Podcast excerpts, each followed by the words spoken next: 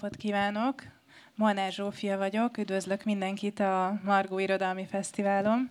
A következő program pedig a Helikon kiadó programja. Szilágyi Zsófia Szonya című könyvét fogjuk bemutatni. Karafiát Orsolya fog beszélgetni vele, és Szőke Abigail fog beszélgetni, közreműködni a beszélgetésben. Jó szórakozást kívánunk! Köszönjük szépen! Szeretettel köszöntök én is mindenkit, mind a kiadó, mind a, mind a szerző Szilágyi Zsófia Emma nevében.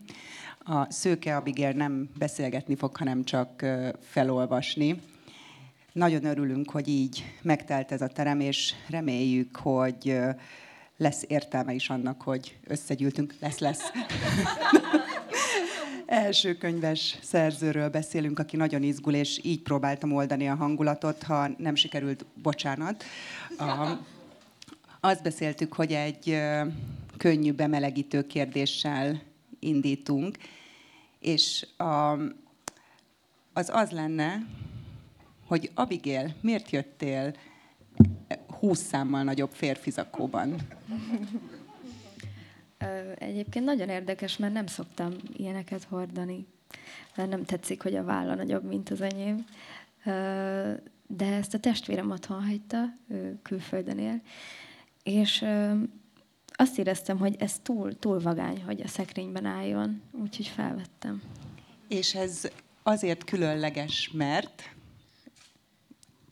Működik, működik, nagyon nagyszerű.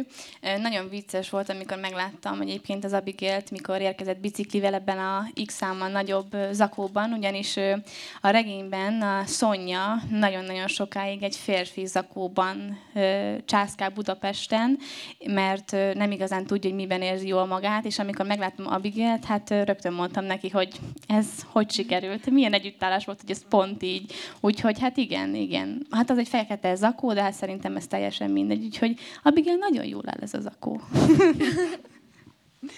fel is melegettünk, fel is oldottunk, és akkor térjünk rá a regényre.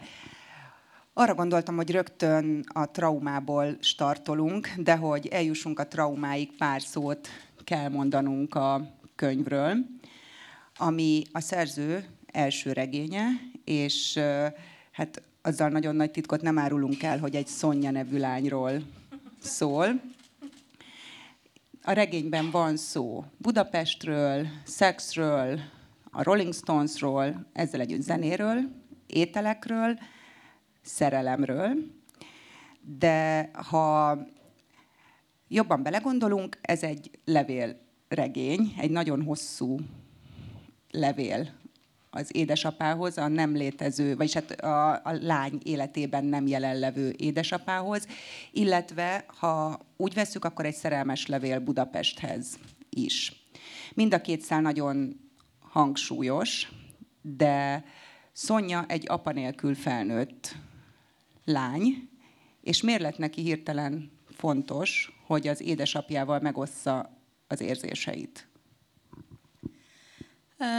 Hát akkor a, a, az utolsó sorral kezdem, hogy a Szonya szempontjában miért volt lényeges az, hogy ő a, az édesapjának megossza a, hát a gyötrelmeit lényegében, ezt így tudnám összefoglalni, de nem csak a gyötrelmeit, ugye, hanem igazából a, a boldogságot is, mindent, ami ő örömforrásként szolgál számára, azt megosztja az édesapjával.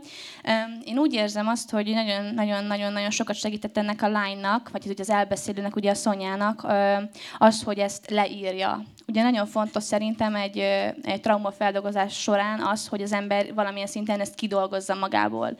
Valakinek ez, ez, ez a beszéd során sikerül, valakinek pedig az írás során. És azt gondolom, hogy nem, nem tudom ezt a gyógyításnak a metódusát, mert nem, nem értek hozzá, de azt gondolom, hogy Szonya másképp nem tudott volna szembenézni saját magával, a vele való történésekkel, ha ezt nem írja ki magának. Igen, jól mondtad, ez egy, ez egy levélforma, ez egyébként nagyon sokáig nem így nézett ki, nem is volt tervem alapvetően, hogy, hogy ez, ez levélként nézzen így ki, ezt az írás valahogy így, így, így nem is tudom, így az írás során így, így alakult ki. És szerintem ez nagyon izgalmas forma, mert az ember teljesen másként beszél, amikor valakinek mondja, amikor egy olyannak mondja, akitől fél, akitől tart, akit nem szeret, vagy éppen valamiféle fájdalmat okozott neki.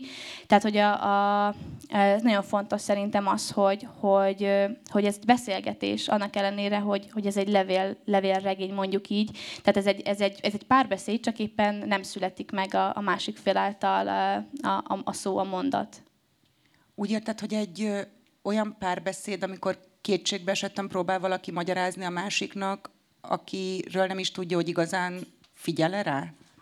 Hát hol kétségbe esetten történik ez, hol, hol ez nyugodalmas pillanatok között, de azt gondolom, hogy, hogy nem sok mindenben különbözik ez a regény, mármint ennek a regénynek a, a felépítése attól, hogyha valaki annak mond, beszél, vagy valaki annak mondjuk a gondolatainkat, aki nem biztos, hogy figyel ránk, nem biztos, hogy érti. Tehát ebből a szempontból szerintem ez teljesen, teljesen mindegy, hogy van-e a másik oldalt valaki. Nekem ez a regényforma azért jelentett nagyon sokat, vagy azért tűnt logikusnak ennél a, a regénynél, mert nem tudom, olvasta, de a témában eléggé fontos könyvet, a Mérgező szülők címűt, ahol terápiás javaslatként hangzik el az, hogy a felgyűlt sérelmeket akár egy hosszú levél formájában osszuk meg a szüleinkkel, mert az megtisztító erejű tud lenni, és teljesen mindegy, hogy az a szülő él, nem él, jelen van, vagy nincs jelen az életünkben. És a másik pedig, a, most nem akarom elmondani a, a könyv végét, bár elmondhatnám, mert nem a cselekmény maga a fontos, ezt is nagyon lényegesnek tartom hangsúlyozni, hogy Ransburg Jenő az egyik előadásában egyszer úgy fogalmazott, hogy az apák legfontosabb feladata a gyermekek életében, hogy egy küszöbön átemeljék őket. És a te szereplőt Szonya voltak éppen, amíg el nem jut odáig, hogy az élményeit feldolgozza, mintha ezelőtt a küszöb előtt toporogna. És amikor írtad ezt a könyvet, fel akartad szabadítani a hősödet, át akartad vinni te is valahová? Lehet most ez így illúzióromboló lesz, de hogy, mint mondtam, ez alapvetően nem levérformaként indult. Tehát ez a forma, ez később, később született meg, Viszont a forma szabadította fel azt gondolom, hogy ezt a szonyát. Tehát teljesen másként kezdett el beszél, az elbeszélő beszélni, ugye ez eper egyben íródott, teljesen másként kezdett el beszélni a szonya, amikor, amikor neki célzottan az apjának kezdett el beszélni, és azt gondolom, hogy ez a fajta lángolás, ami ebben a lányban létét, ez a fajta tűz sikerült, ez a fajta tűz szabadította fel ezt a lányt. Tehát ez a fajta elbeszélő mód, ahogy te is mondod, szerintem ez, ez, ez segített abban, hogy Szonya nem csak, hogy elkezdje, hanem ezt meg is tudja írni, ezt a, ezt a a, ezt a levelet. Az egyes szem első szemét említettük már, és két, két nagy hibát elkövettem ma. Nagyon sokat, de veled szembe csak kettőt eddig. Hozd meg velünk, Léci. Hogy beszéltem hozzád, vagy amikor rólad beszéltem, itt kint a folyosón is, akkor mondtam, hogy és akkor Szonya álljon ide, vagy, vagy oda. Tehát egyértelműen azonosítottalak a szereplőt, de én nem szoktam ilyen lenni, hiszen hivatásos olvasó is vagyok, és ha velem csinálják ezt, akkor nagyon tehát túlher, túlhetszelem, felhergelem magam. Neked milyen érzés ez, hogy folyamatosan ezzel szembesülsz, hogy azonosítanak a hősöddel? Nekem ez nem esik rosszul, mert hogy én fejben is teljes mértékben leválasztottam, meg hogy én eleve leválasztottam a szonyát magamról. Inkább azért szokott ez úgymond rosszul esni, hogyha ezt mondjuk más hallja, mert nem tudom, hogy ő mondjuk erről mit gondol feltétlenül. Én nem, nem, nem érzem egy ilyen nagyon gyilkos kérdésnek azt, amikor felteszik, hogy akkor mennyi között van neked a, a főszereplőthöz, mert hogy az emberben azért ez, ez mindig felmerül, főleg, hogyha eper egyben íródik egy könyv. 27 éves vagyok, nagyon-nagyon kevés tapasztalatom van a világról. Természetes, hogy a saját szövegeimet azokkal a dolgokkal, történésekkel, motivumokkal rendezem be, amiket én ismerek. Pont az Abigail beszéltünk kint, hogy nyilván én is, mikor fel, feljöttem Budapesten, mikor felköltöztem, akkor hasonlóképpen csodálkoztam rá én is erre a városra, ahogy a Szonya teszi. De hogy ettől függetlenül ugye azért az ember leír valamit, az mindig teljesen más, mint ami, ami megtörténik. Egyrészt azért, mert a szöveg, ahogy, ahogy íródik, gördíti maga előtt az eseményeket. Tehát egy idő után már éreztem, hogy maga a szöveg is segít abban, hogy teljes mértékig leváljon rólam, rólam a Szonya. És abban is az alaphelyzet is igaz, hogy az észüleim elváltak. De én teljesen jobban vagyok az édesapámmal, ő egy elképesztően nagy kalandor, tehát őt tényleg úgy kell elképzelni, hogy hét elején felhív engem, közli, hogy ő Kanadában éppen lakatos műhelyben dolgozik, hét közepén ír egy SMS-t, hogy egyébként most Londonban van is buszvezető, majd vasárnap este messenger üzenetben közli, hogy most Budapesten van, és két kangó oktatás között éppen masszörködik. Tehát, hogy ő De ez hogy a... ezek igazak vagy? Ez így van. Tehát, ha. hogy ez az én apám. És hogy, és hogy én, én világértelműen úgy fogtam őt fel, hogy, hogy, hogy ő az az ember az életemben, aki úgy van jelen, hogy nincs jelen. És én, ezt, én ezzel teljesen rendben vagyok már. Tehát, hogy nem is tudném, tudnám ezt másképpen elképzelni, szóval ez, ez a dolog engem nem traumatizált, hanem például teremtett egy baromi jó alaphelyzetet a, a regényhez. Ő, ő az a figura, és teljesen jól is áll neki, aki a szakadék szél egyensúlyozva érzi jól magát. És ha rászólsz, hogy te figyelj ezt ennyi idősen nem kéne, akkor visszakérdez, hogy te megőrültél. Tehát, hogy ő ilyen, ilyen alkatú ember, és hogy nekem ez a természetes. Tehát, hogy ő normalizálta azt számomra, ami alapvetően nem lehetne az. Tonyának a helyzet azért nehezebb, mert hogy ott egy ilyen, egy ilyen meggondolás történet van. Tehát, hogy őt, őt vállalták, tehát őt, őt, ő tervezett gyermek volt, majd úgy döntött később az apa, hogy ő ezt mégsem szeretné. És azért ez egy kicsit árnyalja a történetet, mikor, mikor nem kell a gyermeket. Ez az elhagyás történet szerintem nagyon-nagyon sok mm, problémát tud okozni egy fiatalnak az önképében, amikor a szülőnek nem kell. Előbb már említettük, hogy hasonlóságként, hogy a hősöd is vidékről költözött fel a Budapestre, te ugye Debreceni vagy, Debrecenről majd még lesz szó, de most megkérném Abigélt, hogy a vonatkozó részletet, a Budapestit olvassa föl nekünk, és utána ebből kiindulva haladunk tovább.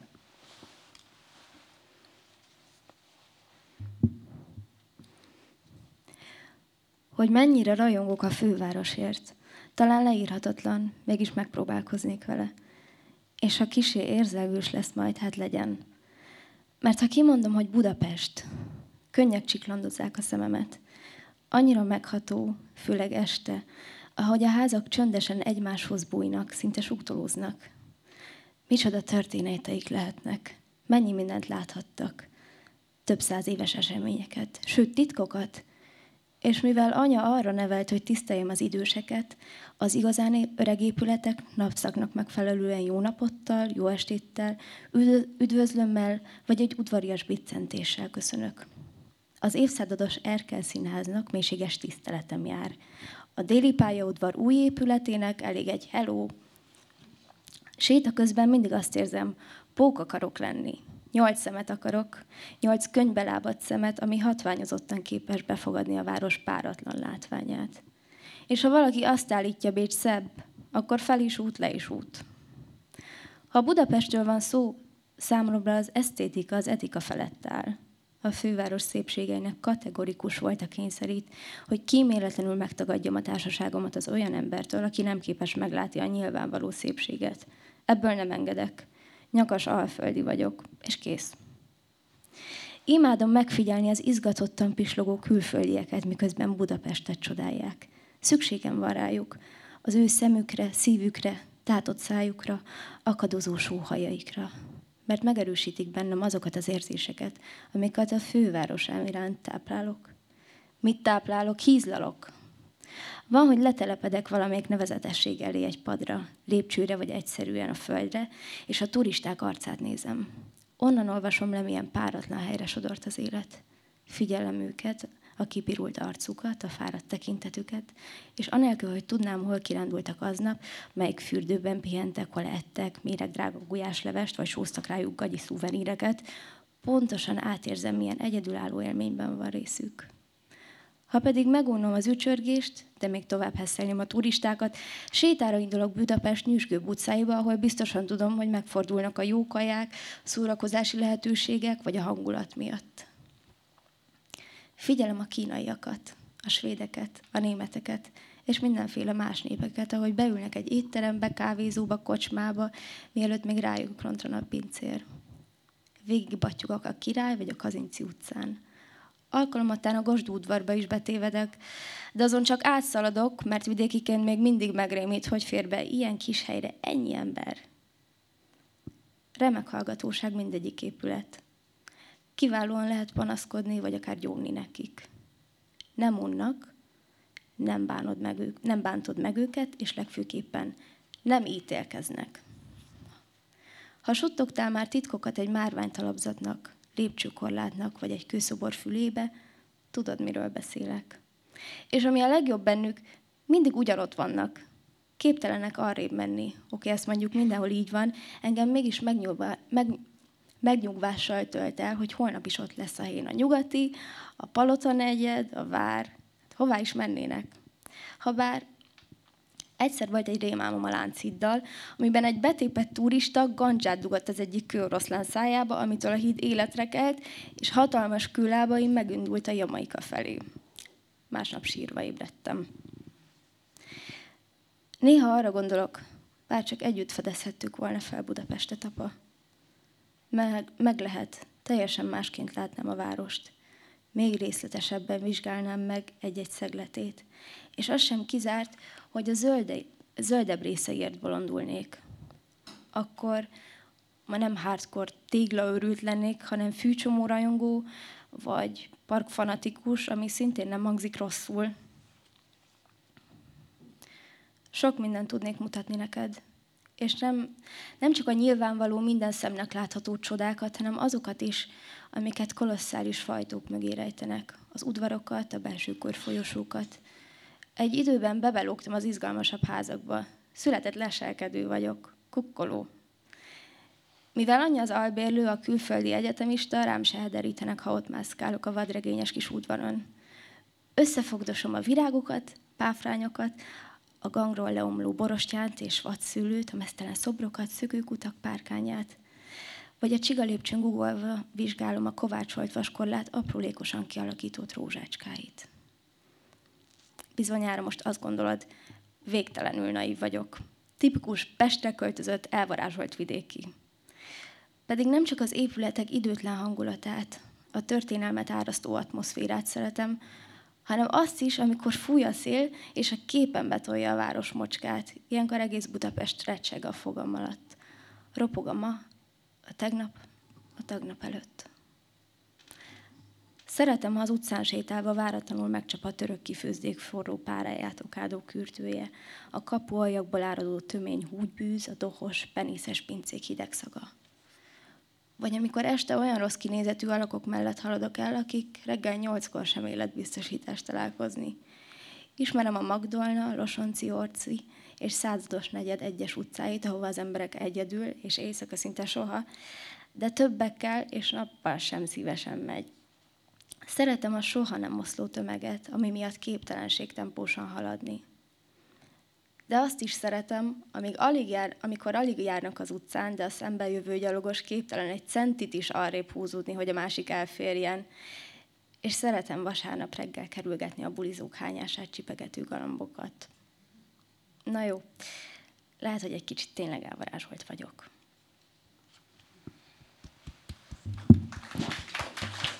Köszönjük. Azért választottuk ezt a részletet, mert a budapesti imádat az tényleg nagyon fontos ebben a, a regényben. Egyébként nem gondolom, hogy ez csak a vidékiek privilégiuma. Például a barátnőmmel mi az egyetemen minden egyes nap kijöve az akadémiai könyvtárból megtapsoltuk a, a Dunát és pont a, a hidakat, mert azt gondoltuk megérdemlik. És a délinek szerintem tőlem is csak egy hello futna, bár nem olyan rossz épület az. De miért Szegedinek tetted a hősnődet, amikor fontos számodra a debreceniség? És ez is felvetődött. Én elgond, tehát te vetetted föl, hogy milyen a debreceni ember. Nekem mondjuk Szabó Magda Térei és Kósa Lajos jutott eszembe. Szerinted milyen? Az első kérdés ugye az, hogy miért Szeged, ha Debreceniként simán lehetett volna Debrecen is. Én az Alföldhöz ragaszkodtam, mert hogy kellett a Budapest kontraszt. Azért lett végül Szeged, azon túl, hogy baromira szeretem azt a várost, rendkívül szabad szellemű, izgalmas emberek vannak ott, kultúrát pártoló, tehát egy nagyon, nagyon vagány kis város, hanem mert én annyi mindent elvettem ettől a szerencsétlen lánytól, elvettem a, a magánéletét, elvettem az édesapját, és még vettem volna el a hegyeit is, meg a folyóit is. Viszont az Alföldhöz ragaszkodtam, és akkor úgy döntöttem, hogy Szeged, Tisza. Ez szerintem egy kompromisszumos helyzet, annyira nem gyilkolom le a saját karakteremet sem, és maradt az Alföld is így ezáltal. Az, hogy milyen a, debreceni ember, hát igen, a polgár, az ex-polgármesterünk azért sok mindent fénymeles sajnos a várossal kapcsolatban, bár, bár ne így lenne, és még mindig úgy köszönnek neki, hogy tisztelt polgármester úr, nem tudom mi ez a lövés a debrecenieknek, a lelkemben nekem is ő örök polgármester. Ezt, ki, ezt, ezt, ezt, ezt, nem tudom, hogy pedig az új se, hát az új, hát nem tudom, elneket, mindegy, igen. És de hogy amíg fog kapcsolódni pont az új polgármesterhez kapcsolódóan, picit még a Budapest, Debrecen, stb. és ez a, ez a városrombolás, hogy hogy a, valamelyik néhány hónappal ezelőtt Debrecennek a főutcáján sétáltunk, és letértem az egyik Ó utcába. És a gyönyörű, szép, cuki, kicsi, civis háza, gyönyörű fehérre meszelt falakkal, és átellenben egy ilyen ordinári, ocsmány, terpeszkedő Merkur hotelt húztak fel, ott üvöltött a csúnya letfényeivel a pici házak falára, és így azt éreztem, hogy ez mi a fene hogy ez, hogy ez, és én nem az ellen vagyok, hogy, hogy az újítás, stb. ilyen a hagyomány, hanem az, hogy miért kell egy, egy várost a, tájidegenednél, tájidegenebb elemekkel, nem tudom, modernizálni. Tehát, hogy ezt a pusztítást úgy értem, hogy, hogy nem feltétlenül kell, kell rombolni hozzá, hanem elég egy ilyen esztétikai gyilkolás ahhoz, hogy egy várost kinyírjunk. Tehát köszönni szépen, Debrecen nem akar metropolis lenni, nem kell a nagy templom mellé egy Merkur Hotel, mert borzalmas. És nem volt olyan ember, akivel, akivel ne beszéltem volna arról, hogy ez, ez hogy nézott ki. És pont akkor jött szembe a hogy is hívják a mostani polgármestert, mindegy. Olyan csúnyán néztem rá, hogy szerintem azóta azon gondolkozik, hogy ez ki volt, és miért nézett rá így. És, és, hát- vagy azt hitt, hogy szerelmes vagy benne. Biztos. Hát ha így nézek rá, aki szerelmes vagyok, akkor nem, nem tudom. És tehát, hogy rettenet, de hogy hogy jutottunk idáig úgy, hogy milyen a debreceni ember? Hát borzasztóan nyakas, elképesztően nehéz természetű, de egyáltalán nem barátságtalan és én mindig azt szoktam mondani, és a Debreceni mindig ezzel védekezik egyébként, vagy a Balmazújvárosi, ugye, hogy, hogy van annak valami baromi nagy húzó ereje, mikor egy város a semmiből nő ki. Tehát, hogy nem is az, hogy, hogy egyszerű talajra vagy, vagy földre épült Debrecen, hanem porra. És értem, hogy széttérkövezik a városunkat, mert kell. Ha nincs térkő, megeszi a város, meg az embereket is a por. De hogy miért nem lehet valahogy alkalmazkodni ahhoz, hogy ez egy alföldi táj, ez egy baromi nagy síkság, ennek ilyen adottságai vannak, valahogy próbálkozunk, nem tudom, az arculatához építeni új épületeket.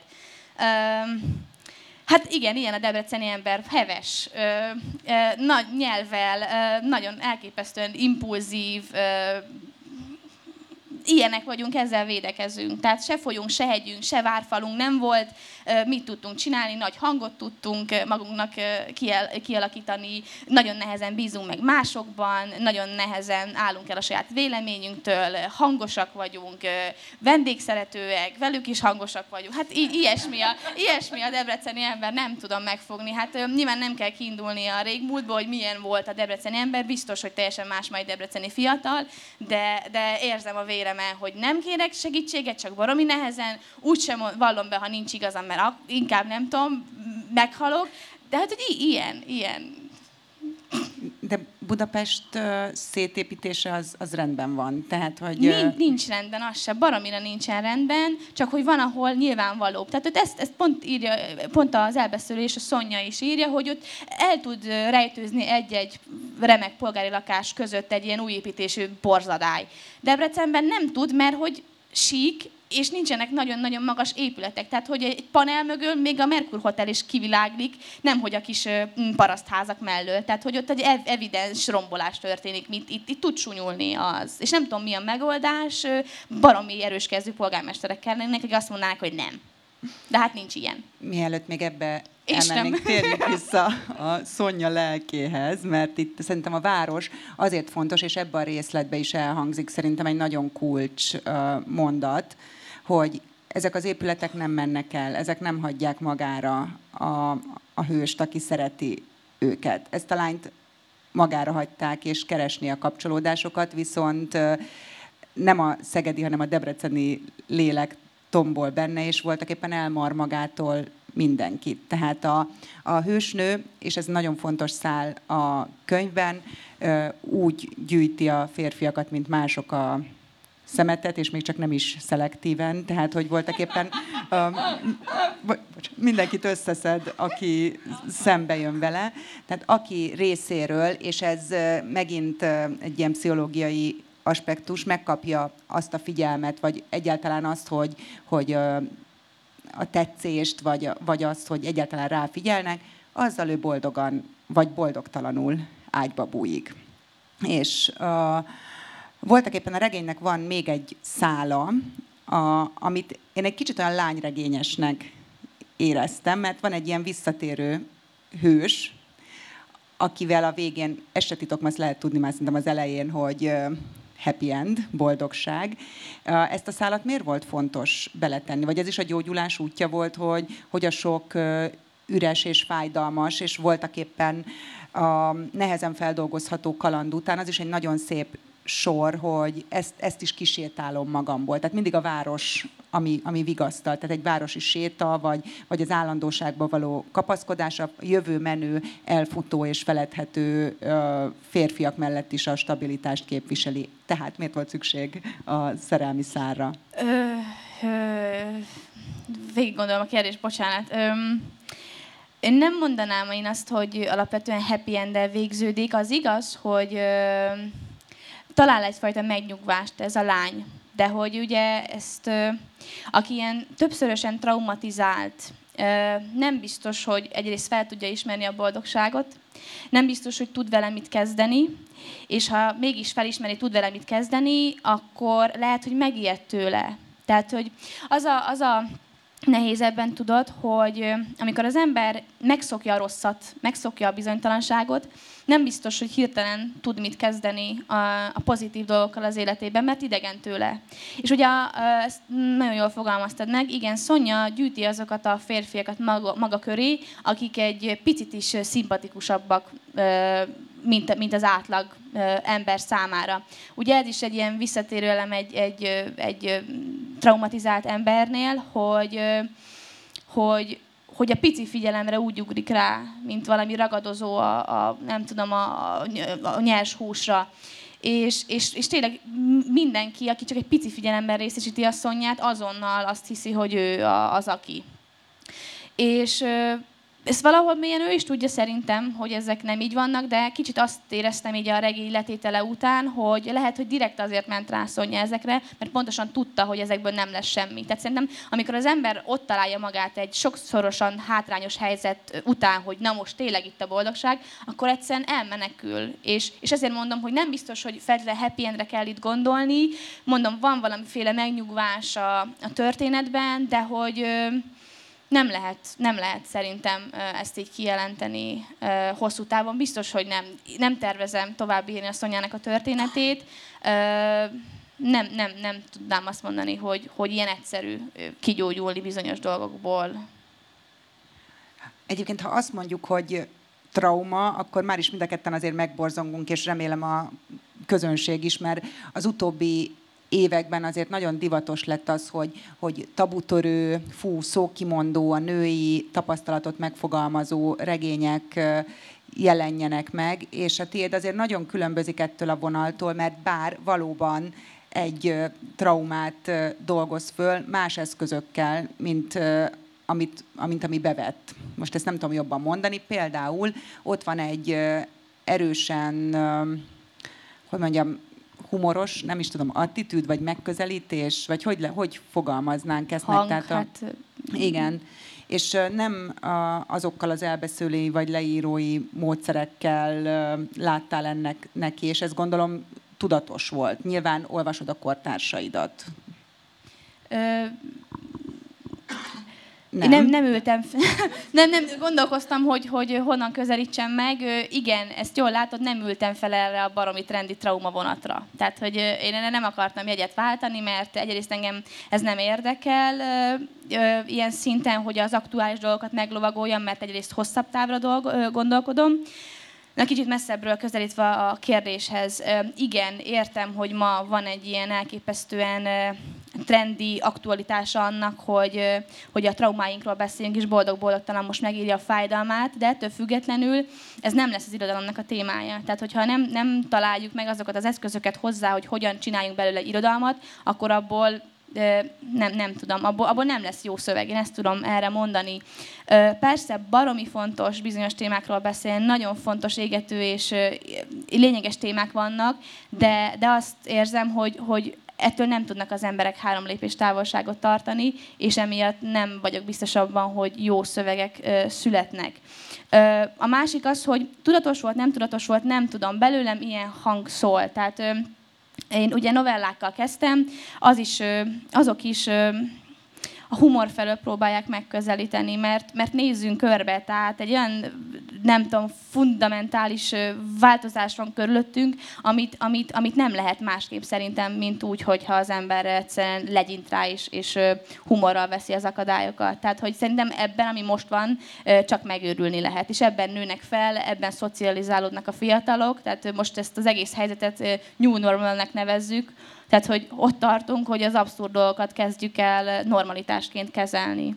És, és de, de visszatérve a kérdésre, hogy, hogy hogy a trendi dolgokkal szerintem nem kell foglalkozni. Ezek tiszavirág életű dolgok, és ha egy írónak komolyan van véleménye arról, mit jelent irodalmat csinálni, komolyan elhiszi azt, hogy mit, mit jelent írni, és hosszú távon tervez, akkor, akkor nem kell azzal foglalkozni, hogy éppen ki a kikiáltott sztáríró, melyik könyv a kikiáltott sztár ö, szöveg, mert ezek, ezek hamar lecsengenek. És szerintem persze ettől függetlenül könnyes szemmel nézheti végig, hogy őt évekig vagy egyáltalán nem fedezik fel, ö, és csak végignézi, hogy mást, hogy máshogy lett sztár, de hogy ezzel nem szabad foglalkozni. Tehát nem szabad a sikernek a, a siker szempontjából nézni az irodalmat. És muszáj baromi hamar leválasztani az írónak magára, hogy siker, mert, mert tönkre tudja tenni egy karriert, tönkre tud tenni egy karriert az, hogy az ember azon gondolkozik, hogy úristen, ez, ez, ez, hogy ez miért lett, ennek miért, ez miért kapott díjat, azt miért hívják oda, az miért írt. Tehát, hogy ezekkel nem szabad foglalkozni. Mm, meg kell találni hosszú távon, hogy mi a stratégiád. Ha már stratégia, és említettük, hogy a novellából indultál, nem csak ez a, a lényeges pont az életedben, hanem a színház is. Tehát te... Csak volt. Csak volt, hál' Istennek. Miért hál' Istennek? um, um, valami, ez egy olyan szerelem, ami, ami hál' Istennek véget ért. Um, Képz, ma majd Abigail lehet, hogy ez egy, ez egy tök jó diskurzus lesz, mert hogy én nagyon sokáig úgy éltem meg, hogy minél többet tölt az ember, több időt tölt a színházban az ember, annál távolabb kerül magától. Szerintem ez egy, ez egy nagyon fura dolog, meg egy nagyon-nagyon paradox dolog, hogy az ember szerepeken keresztül sokkal jobban megismeri önmagát. Én baromi távol kerültem például önmagamtól. És ez egy nagyon jó élmény volt, baromi jó közösség volt a színház, de picit én úgy éltem meg, hogy, hogy be kell hoznom a színház miatt kimaradt időt magammal kapcsolatban. Tehát, hogy nekem pont nem egy ilyen önismeret útján indított el, hanem pont baromi távol estem attól, hogy tehát nagyon össze lehet keverni a színházban a valóságot, meg a, meg a, meg a fikciót, és, és ez egy nagyon-nagyon-nagyon nehéz és súlyos dolog lehet szerintem hosszú távon egy fiatalnak. Persze lehet, hogy mindenki nem más. Nekem ez például ez nehéz volt felismerni, hogy upassztus a, valójában nem szabad kihozni azt, ami a színházban történik, és, és még fordítva talán működik, hogy az életbe beviszi a dolgokat, de hogy ez egy nagyon-nagyon veszélyes dolog tud lenni szerintem embereknek. Még olyan fura, mert én meg azt gondoltam, hogy nálad is úgy működik a színház, mint mondjuk nálam, hogy jó, baromi rosszul fizetik, de van 6 hét, amik, amik tönkre tehetjük egymást vidáman, szabadon. Ezt a főpróba, meg a próbaidőszakra gondolok, és azért az a 6 hét, amíg az ember egy darabra készül, és tényleg önmagát is, meg a másikat is felaprítja, azért az, az tök jó, mármint amíg a másikat aprítod. De... Hát igen, csak amikor az van, hogy ö, ö, nem vagy tisztában azzal, hogy, hogy ki vagy, vagy hogy bizonyos dolgokra hogy, hogy reagálsz. Tehát többször megkaptam még fiatalon, néha még most is megkap fiatalom. többször megkaptam, hogy Zsófi, gyere el a színpadról, és így basszus, úristen, tehát hogy miért nem lehet Zsófiból reagálni dolgokra?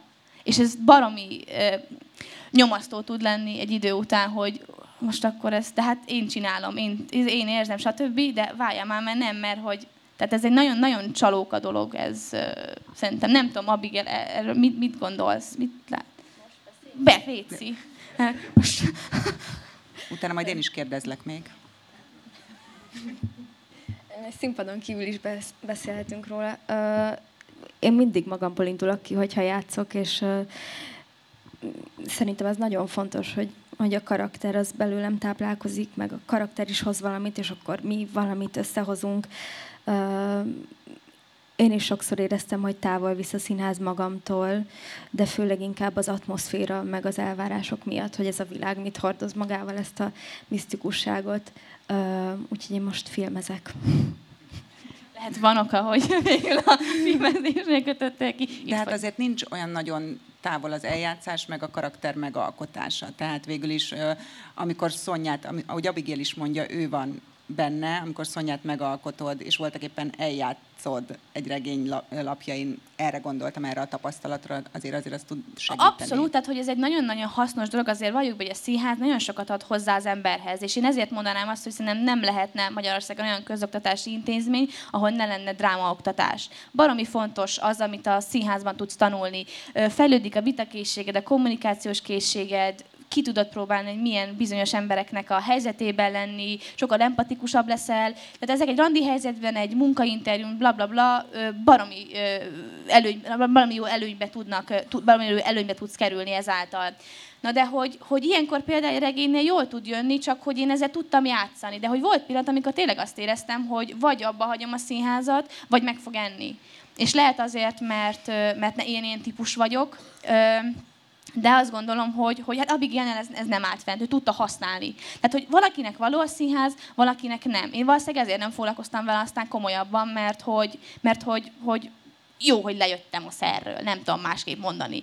És, és, és ez nekem jót tett. Jó volt az is, hogy 13 évig ezt űztem, csináltam, hajtottam, de ez pont elég volt ahhoz, hogy, hogy én ebben, hát ki, kimerítettem azt, De azért én. a dramaturgiát, vagy amit szerkesztésről, akár egy rövid szöveg, akár egy hosszabb esetén csak segített. Utána... Használom persze gátlástalanul a színházat, nyilván hát ö, legalább van, van utólag is haszna, de hogy, hogy jó, jobb, jobb az. Aki, annak való, aki alkat, ö, olyan alkat, az, az persze, de hogy ezt tök hogy én felismertem például, hogy, hogy ez nekem nem volt való. Tehát ö, igen, nem, nem tudom, mi lett volna, ha tovább ezt hajtom, vagy nem, nem gondolkozok el azon, hogy nekem kell ez vagy sem. Tehát, hogy ö, igen. Lehet, hogy pár év múlva majd az írásról is ezt mondod. Nem. Hát remélem nem. Viszont nagyon kevés időnk van, nem tudom, hogy, hogy a, a lecsós részlet jöjjön-e még, vagy kérdezzek inkább, mert... Hogyha beszéltek nyugodtan, miattam nem. Igen, szerintem beszéljünk még, mert a regény kapcsán a, a bocs, csak igen, a gasztró vonalat azért nem hagynám ki és te ki akartad hagyni, mert nem említettük meg soha, pedig szerintem nagyon lényeges elem, és a, a gasztrovonal kicsit máshogy is feljön az életedben. Ugye az instant te kajafotókkal lettél uh, népszerű, és a könyvben is a, egy lecsós részlet marad ki, de ezt majd mindenki olvassa el, hogyha egyedül marad a, a könyvvel. És, és nagyon sokszor visszatérnek mindenféle ételek a könyvben. Igen, hát ö, ö, nyilván az, az ember, aki alapvetően mondjuk ki, hogy mondjuk boldogtalan, próbál mindenből valamiféle kis örömet kifacsalni. És hát a Szonya életében, ha nem is annyira központi eleme a, a regénynek, de hogy ő neki a kaja az egy örömforrás. És szeret főzni, és szeret vele bíbelődni. Lényeges szempont számára az, hogy a lecsót hogyan készítjük. Ez nekem is baromi lényeges, hogy a lecsót hogyan kell készíteni, mert ugye ismerjük ahány ház, annyiféle lecsó, és a Szonya beszél is arról, hogy szerintem milyen az ideális lecsó. Szerintem, szerintem is nem olyan egyébként. A francba, de hogy, szerint, de hogy szerintem ez az ideális lecsó, ahogy a Szonya mondja, Szonya mesél az édesapjának. És hát igen, a Szonyának az, a kaja, maga a készítés, az evés is egy ilyen, egy ilyen boldogság forrása abszolút. És hogy igen, az Instán ez ennyi az sztori ennek, hogy bejött a köztudatba az Instagram, és akkor fú, de jó, hogy nem Facebook, nem kell pötyögni mellé, csak pakolászod a fotókat, és akkor lesz valami. És hát úgy lett valami, hogy ilyen ezrek kezdték el lájkolni az én pompásan befotózott kis süteményeimet, rakott krumpliaimat, mindenféle anyámkényát, és hogy ilyen több ezer ember lett ott, aki így kíváncsi lett arra, hogy én mit főzök. És így volt egy csáv, aki aláírt, hogy mikor lesz már palacsinta. És így sosem mondtam, hogy lesz palacsinta. Tehát, hogy ilyen, ilyen elképesztő, hogy miket, miket produkál így az élet, de hogy, és aztán befejeztem, mert nem volt időm se ezzel foglalkozni, mert nekik ilyen szépen befotóztam meg minden, és hogy már fene fog ezzel már foglalkozni, és azt hittem, hogy el fognak tűnni ezek az emberek. Aztán ezek az emberek elkezdték lájkolni a színházas fotóimat, az épület fotóimat, és mondom, hát akkor ezek csak rám kíváncsiak, vagy hogy én hogy látom a világot, arra kíváncsiak, és ez egy tök jó érzés volt, hogy nem pattantak meg így százassával, és hogy nullázott volna le az oldal. Ja, szóval ez jó. Hát, ha ők azt is ö, nézni fogják, hogy mondjuk a könyvedből mi sült ki. Ez, aha, ez, ezt otthon felírtam magamnak. Jós. Jaj. De közben utolsó párhuzam, hogy van egy nagyon édes rész, amikor egy hirdetést lát meg a főhős, hogy nagyon regényeket trapista sajtért lehet becserélni. És ez egyfelől vicces, másfelől szomorú, de harmadrészt nekem behozott egy ilyet is, hogy a könyv és az étel, mint szellemi táplálék. És ez a kép egyébként hogy jött? Valóban volt egy ilyen hirdetés, és te például jutottál könyvhöz trapista sajtért? Nem, csak ö, volt egy időszakom, amikor anyagilag nem nagyon tudtam könyveket venni, és akkor eszembe jutott, hogy milyen jó lenne, ha a, úgy lehetne venni könyveket, hogy ami így otthon van, azt így csere.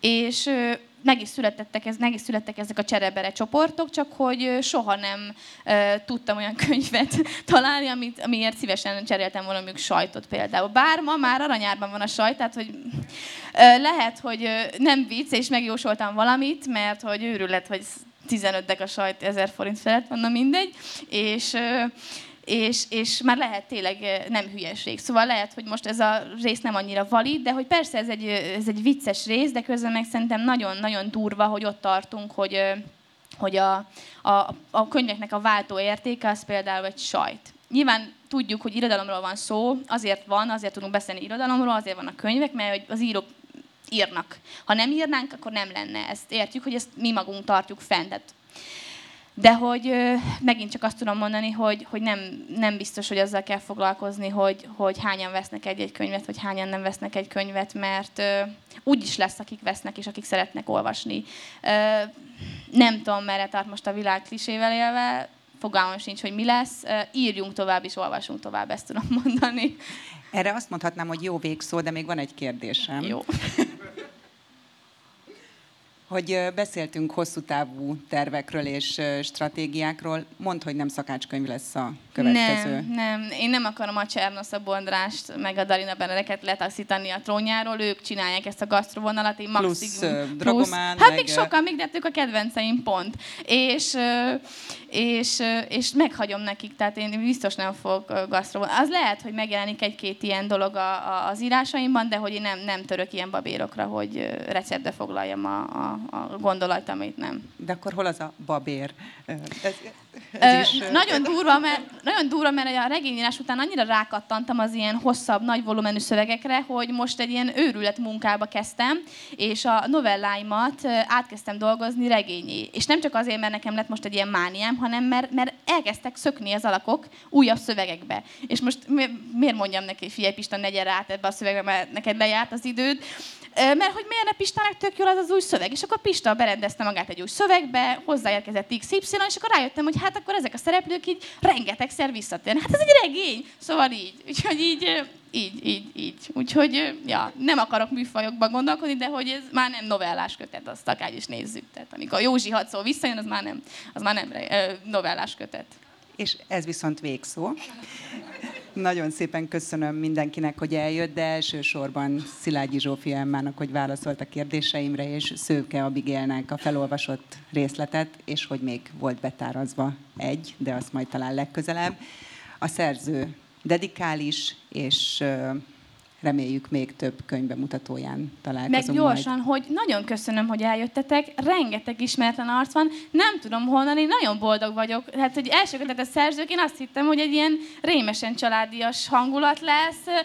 Nagyon köszönöm, hogy itt vagytok mindenkinek, tényleg, ez nekem baromi nagy öröm, semmiből jöve, ez fantasztikus élmény Remélem élveztétek a dadogásomat, meg követhető volt, hát izgultam, na, hát, de hogy remélem élveztétek meg, hogy majd olvassátok a Szonyát, és jó lesz nektek, meg aztán még olvastok, meg jöttek. Ja, köszi.